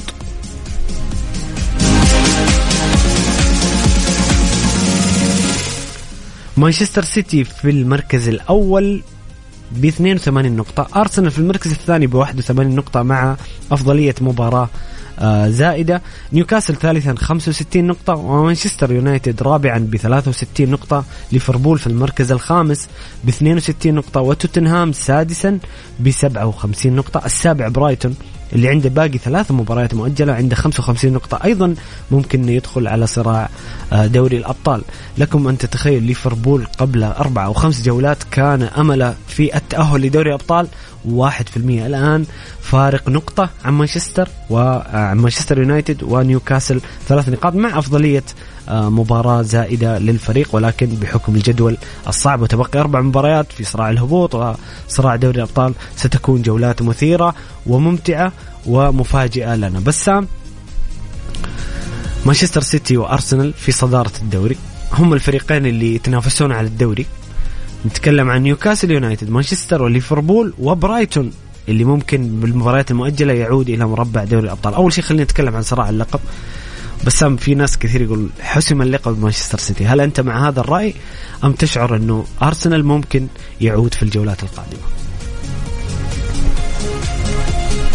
شوف يا محمد بالنسبة لصراع لقب الدوري بكل أمانة يعني أولا بالنسبة لجمالية كرة القدم وإنصاف كرة القدم من الظلم لفريق زي أرسنال مع أرتيتا والأداء العظيم اللي قدمه من بداية الموسم حتى الجولات قبل الأخيرة قدم أرسنال كرة قدم جميلة ومستوى رائع وأداء عالي يستحق في لقب الدوري. ولكن للأسف الشديد واجه مين؟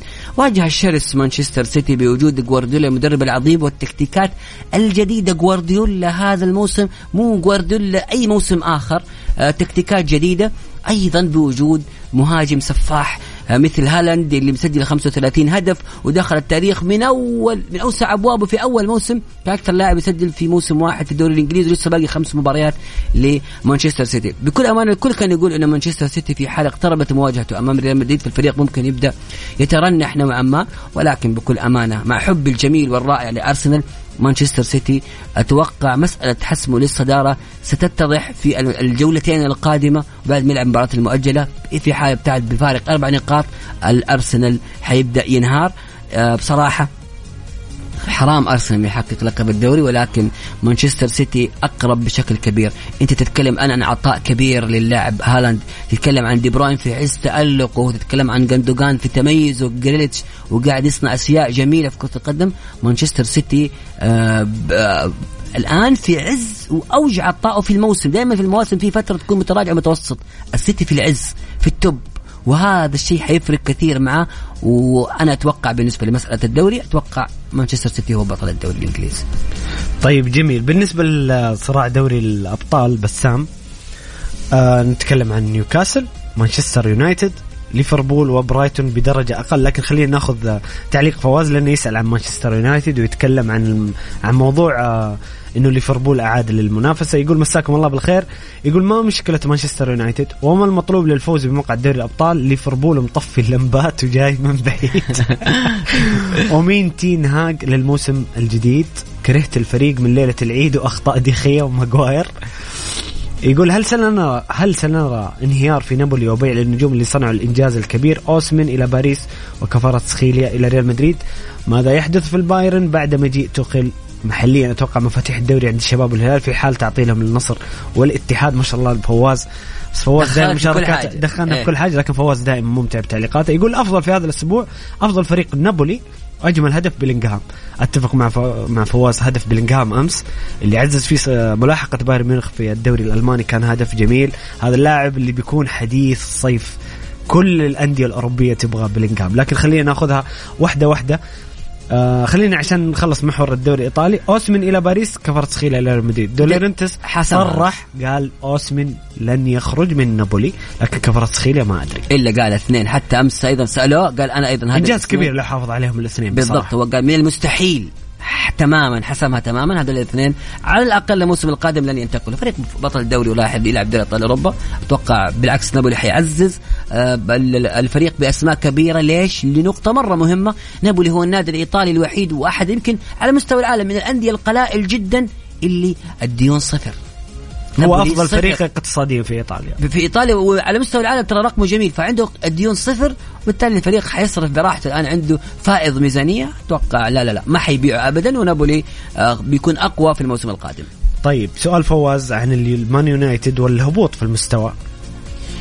شوف آه، دائما يمكن مانشستر يونايتد بعد تحقيقه لقب الكاس تراجع الفريق بشكل كبير وكبير جدا. كانت يمكن في البداية صدمة خروج كريستيانو رونالدو. يمكن كان في بعض اللاعبين عندهم مشاكل مع رونالدو لكن صدمة خروج رونالدو كانت مؤثرة بشكل إيجابي وأدت إلى تحقيق الفريق للقب الكاس. بعدها انهيار غير مبرر تماما لمانشستر يونايتد. تنهاك دائما يحتاج إلى موسم موسمين لايصال آه فكرته بشكل كامل للفريق.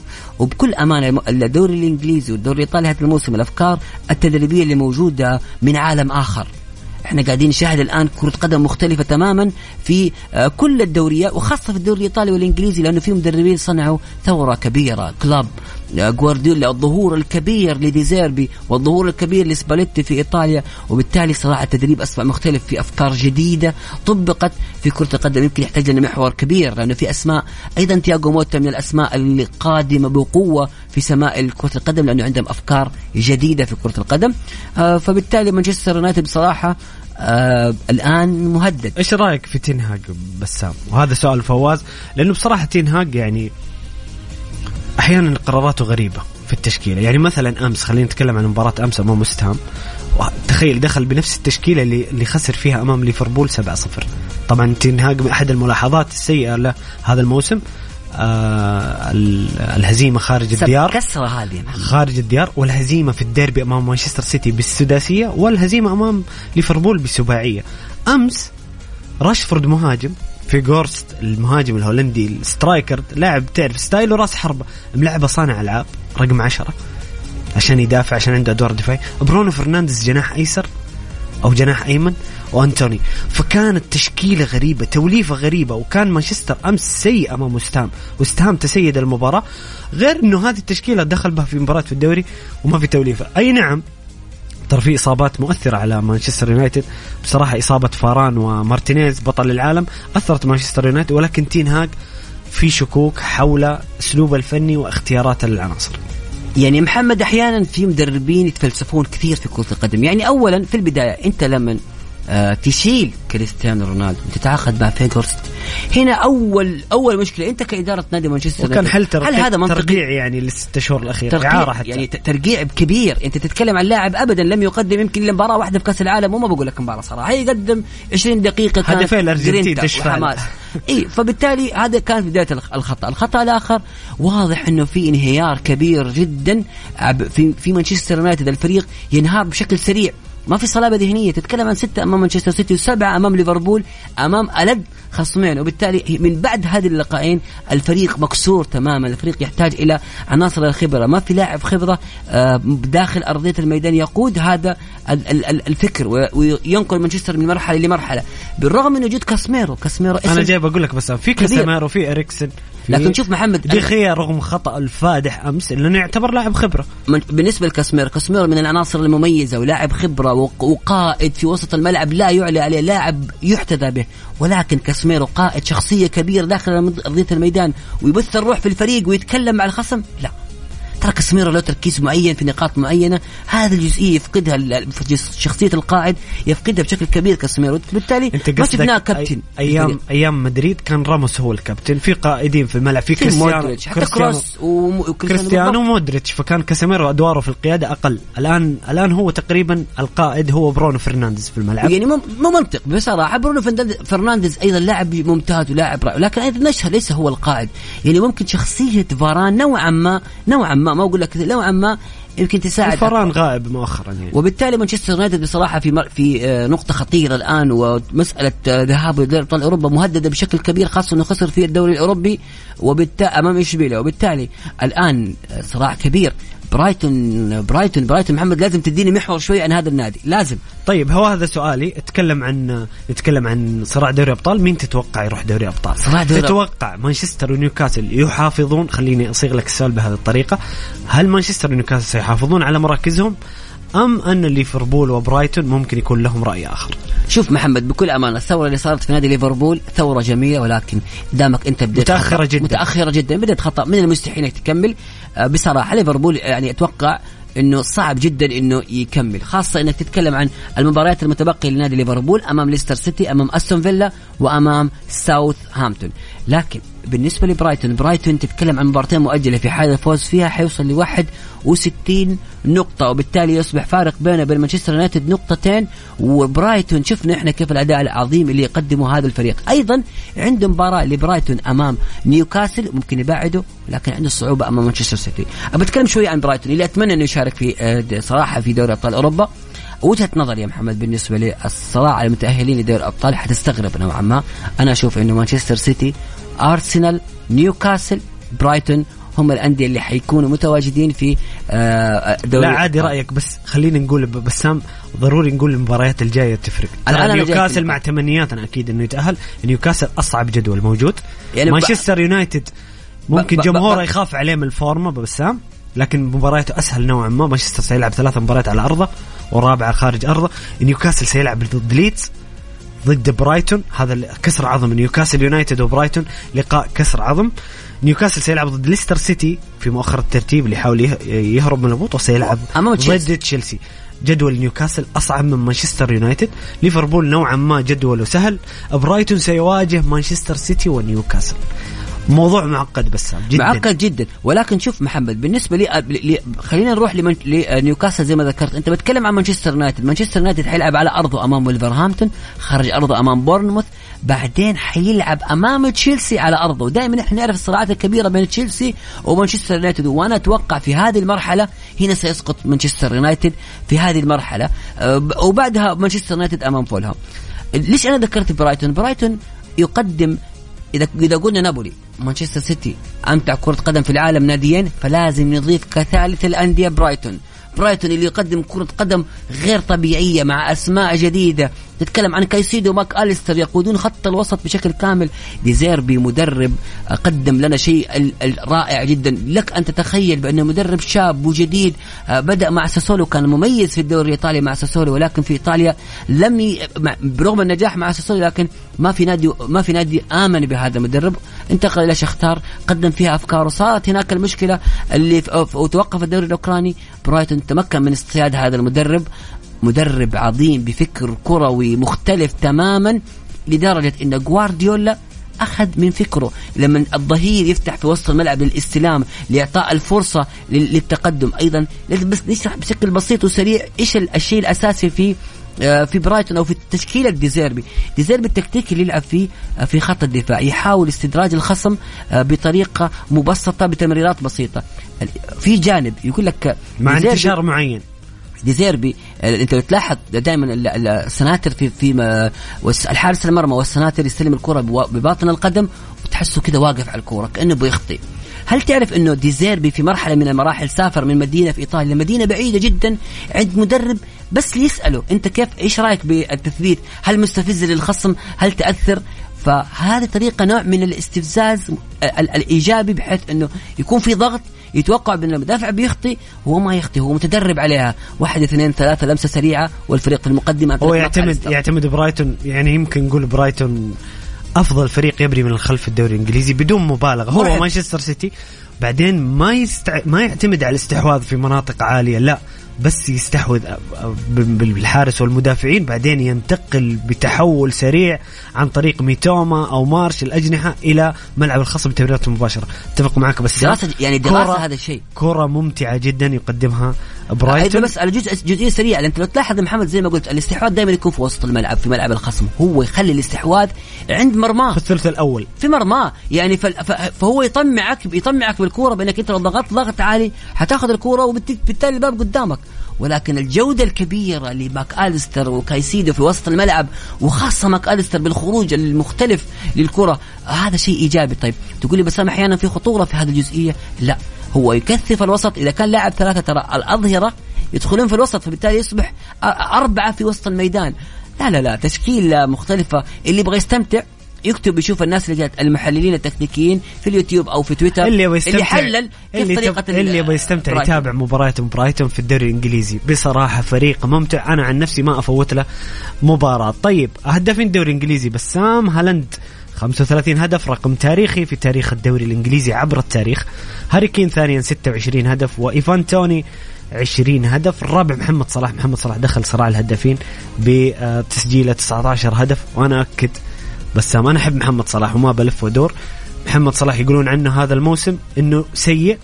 سادس موسم يساهم في 30 هدف ويصبح أحد الهدافين التاريخيين ليفربول. تأثير محمد صلاح رغم يعني ما حدث ليفربول هذا الموسم من آه إصابات وكذلك تقهقر مستوى الوسط تحديدا لكن محمد صلاح ما زال يظهر نفسه بشكل جميل. شوف محمد بالنسبة لصراع الهدافين اللي لفتني شيء واحد ترى هاري هاري كين وإيفان توني مسجلين أرقام كبيرة 20 و25 بس هالاند 26 هدف. هالاند ما 26 هدف لكن هالاند راح بعيد راح بجانب آخر. طب 26 هدف لهاري كين والمستوى الكارثي لتوتنهام. هذا بصراحة نقاط استفهام. هاري كين هذا اللاعب اللي ظلم نفسه وظلم مسيرته الكروية بالاستمرار مع توتنهام وبالتالي انت يا هاركين إذا كان يتوقع إنه كان يقدر يكون من أساطير كرة القدم الإنجليزية والدوري الإنجليزي والاسماء الإنجليزية لكن استمراره مع توتنهام أدى لأنه حيكون اسم عابر لا أقل ولا أكثر. أتفق معك بسام واعتقد إن مسألة خروجه هي مسألة خلاص عمر كبير يا محمد. مسألة وقت. عموما مستمعينا الكرام شاركونا برائكم وتعليقاتكم عن الجولة الأوروبية وأبرز ما حدث الأسبوع أفضل لاعب وأفضل فريق في هذه الجولة شاركونا برائكم وتعليقاتكم على الرقم 054 88 117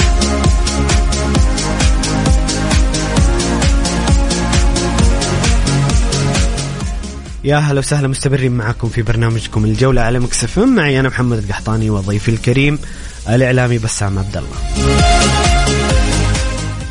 الآن نسلط الضوء على الليغا الدوري الأسباني برشلونة في صدارة الترتيب ب 82 هدف. عفوا 82 نقطة بفارق 13 نقطة عن الثاني أتلتيكو مدريد 69 ريال مدريد ثالثا. 68 نقطة وريال سوسيداد رابعا 61 نقطة فيا ريال في المركز الخامس 54 نقطة وريال بيتس في المركز السادس ب 52 نقطة. هدافين ليفا الأول ب 19 هدف كريم بنزيما ثانيا ب 17 هدف يقترب بشكل كبير. الأسطورة كريم بنزيما وخوسيلو لاعب إسبانيول 14 هدف وإينيس أونال لاعب ختافي أيضا 14 هدف. أعتقد مسألة آه، حسم اللقب لبرشلونة يعني بشكل كبير جدا. برشلونة هو الدوري آه، بطل الدوري. أتلتيكو والريال وسوسيداد وفيا ريال وبيتس بشكل أقل يتنافسون على مراكز آه، دوري الأبطال. بسام كيف شايف صراع دوري الأبطال؟ بعد حسم برشلونة تقريبا لهذه المسابقة. يعني شوف آه، خلاص تقريبا الدوري الإسباني حسم بشكل كامل. برشلونة 82 نقطة يحتاج إلى نقطتين فقط 84 نقطة ويضمن بشكل رسمي تحقيق لقب ال- الليغا فوز في المباراة القادمة يضمن رسميا لبرشلونة لقب الدوري بالتالي مسألة وقت لا أقل ولا أكثر. بالنسبة لصراع التأهل لدوري أبطال أوروبا واضح إنه الموضوع محسوم تماما بين ريال مدريد ريال سوسيداد وأتلتيكو مدريد. تم الحسم أيضا آه، الدوري الاسباني بكل أمانة يا محمد بعد ذهاب ميسي وكريستيانو رونالدو في الفترات السابقة انهار بشكل كبير جدا. يمكن عندي عتب كثير وكلام كثير في هذه الجزئية بأنه الدوري الإسباني كان آه، ريال مدريد وبرشلونة هو من صنع ال- ال- الشيء الكبير في هذا الدوري. الان نشاهد انهيار كبير جدا آه، بصراحة رابطة الدوري الإسباني رابطة كارثية جدا بعد ال- الثورة السابقة والنجاحات الكبيرة اللي قدموها في المواسم السابقة تقريبا من 2004 2005 آه، لما نجح في تسويق الدوري بطريقة جيدة جدا سواء في الشرق الأوسط وفي أيضا في شرق آسيا بوجود رونالدو وميسي وريال مدريد وبرشلونة والاعطاءات الكبيرة اللي قدموها الناديين وكانت الرابطة داعمة. الآن الرابطة الدوري الإسباني ضد الأندية ونشاهد مشاكل كبيرة وكبيرة جدا وخاصة بعد قرار ال- ال- القائمين على دوري الأبطال أوروبا في البطولة اللي كانت ممكن تقام بطوله النجوم في الأبطال. وبالتالي بكل أمانة الدوري الإسباني يحتاج إلى صدمة كبيرة والإعادة خلاص يعني ريال مدريد إلى متى نفس الأسماء؟ الصراع بين برشلونة والريال. أتلتيكو مدريد مع سيميوني ما زال ال- الفريق الفريق في انهيار. لأنك تتكلم بين فيا ريال صاحب المركز الخامس وبين ريال سوسيداد صاحب المركز السادس. تتكلم عن سبع نقاط. سبع نقاط. وبالتالي الفارق كبير وبعيد جدا. حتى بين حتى في صراع الدوري الأوروبي.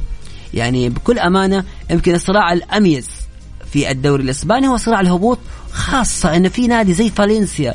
فالنسيا آه، مهدد بالهبوط وتعادل بالنقاط مع ختافي في الهبوط. وبالتالي هنا تتكلم عن جزئية كبيرة. أيضا ختافي ترى ختافي من, من مدريد. ودائما كنا نشوف لقاءات جميلة بين ختافي وريال مدريد. فكرة القدم الإسبانية بدأت تتغير بشكل والدل... كبير. والدليل إنه الآن أقل إثارة في الدوريات بخصوص دوري الأبطال آه، مقاعد دوري الابطال والدوري الأوروبي تقريبا في الدوري الأسباني. يعني تقريبا كل شيء أصبح محسوم يعني في المباريات الباقية. يعني هي. الميريا يا محمد إن شاء الله بإذن الله الفترات القادمة النادي اللي يمتلكه تركي آل الشيخ ألم- آه، إنه يقدم المريه شيء- في وضع دافئ لا الآن. لا يعني تتكلم عن نقطتين فقط يعني. يعني إن شاء الله إن شاء الله إنه يقدر. يقدر يقدر. طيب خلينا نتكلم عن آه، نهائي كأس الملك اللي فاز فيه ريال مدريد على أوساسونا بهدفين مقابل هدف. الريال آه، ما زال في دوري الأبطال في نصف نهائي دوري الأبطال. خرج من الدوري بشكل شبه رسمي ولكنه ينقذ موسمه ببطولة غائبة عن الخزائن من تسع سنوات. كارلو أنشيلوتي يعود ويحقق البطولة مرة أخرى مع الريال. كيف شفت مباراة بسام وفوز الريال بكأس الملك؟ اولا آه، تأكيد إن أنشيلوتي من أعظم المدربين آه، في تاريخ كرة القدم. اللي بتحط ثلاثة ما بقول لك خمسة ثلاثة. انشيلوتي لازم يكون آه، بينهم. صراحة هذا هذا المدرب يقدر يحقق لك البطول- البطولات. دائما يبدأ بشكل متوسط. الفريق ينهار فترة ما. في فترة الحصاد. ريال مدريد هو الأول. وهذا الشيء اللي يعتمد عليه دائما أنشيلوتي. انتصار مهم جدا. رودريجو صراحة الموهبة الكبيرة جدا اللي ما تأخذ حقه بشكل كامل في ريال مدريد. بالرغم من تواجده من زمان مع النادي ولكن لاعب مؤثر وحاسم سجل هدفين رائعة جدا. مع تألق أفضل جناح في العالم حاليا واحد أفضل ثلاث لاعبين في العالم فينيسيوس جونيور لاعب عالمي مع أنشيلوتي. أنشيلوتي في إظهار المواهب يا محمد عظيم عظيم. يعني أعطى الفرصة لكامافينجا وأعطى الفرصة لتشواميني من بداية أول من انتقالهم. وشوفهم الآن كيف صنعوا الفارق مع الريال وأيضا يصنعون الفارق مع منتخباتهم. بصراحة يعني أنشيلوتي آه، ترفع له القبعة دائما على ما يقدمه. والآن إحنا نشوف الصراع مع في دوري أبطال أوروبا أمام مانشستر سيتي. يعني السيتي هو خايف من الريال مدريد بالرغم من أن الريال مو في أفضل مستوياته. تتكلم عن هبوط مستوى بنزيما وعدم على على. فورمة فنية آه، مانشستر سيتي أفضل على الورق ولكن ريال مدريد في دوري أبطال. أوروبا خلاص. يعني توني كروس ومودريتش وبنزيما مهددين بالمغادرة وما في تجديد عقود. أيضا تتكلم كبر العمر بالنسبة لهؤلاء الاسمين. آه، تتكلم عن غيابات آه، في المباريات القادمة. ولكن يظل الريال هو الريال يظل آه، أنشيلوتي هو أنشيلوتي والفريق ماشي في الطريق الصحيح. اللي فرق هذا الموسم إنه برشلونة من البداية قدر إنه يفرق بشكل كبير جدا في صدارة الدوري. جميل بسام حنا كذا وصلنا لنهاية حلقتنا اليوم. أتمنى مستمعين الكرام تكونوا استمتعتوا معنا بسام شكرا لك. شكرا لك يا محمد وإن شاء الله يكون المستمعين إحنا قدمنا لهم معلومة جميلة إن شاء الله يكونوا استمتعوا ما طولنا عليهم إن شاء الله. أكيد. بسام شكرا لكم مستمعينا الكرام. موعدنا يتجدد غدا بإذن الله. في نفس الموعد من الساعة السادسة مساء وحتى الساعة الثامنة. خليكم دائما على السمع. كان معكم محمد القحطاني في أمان الله.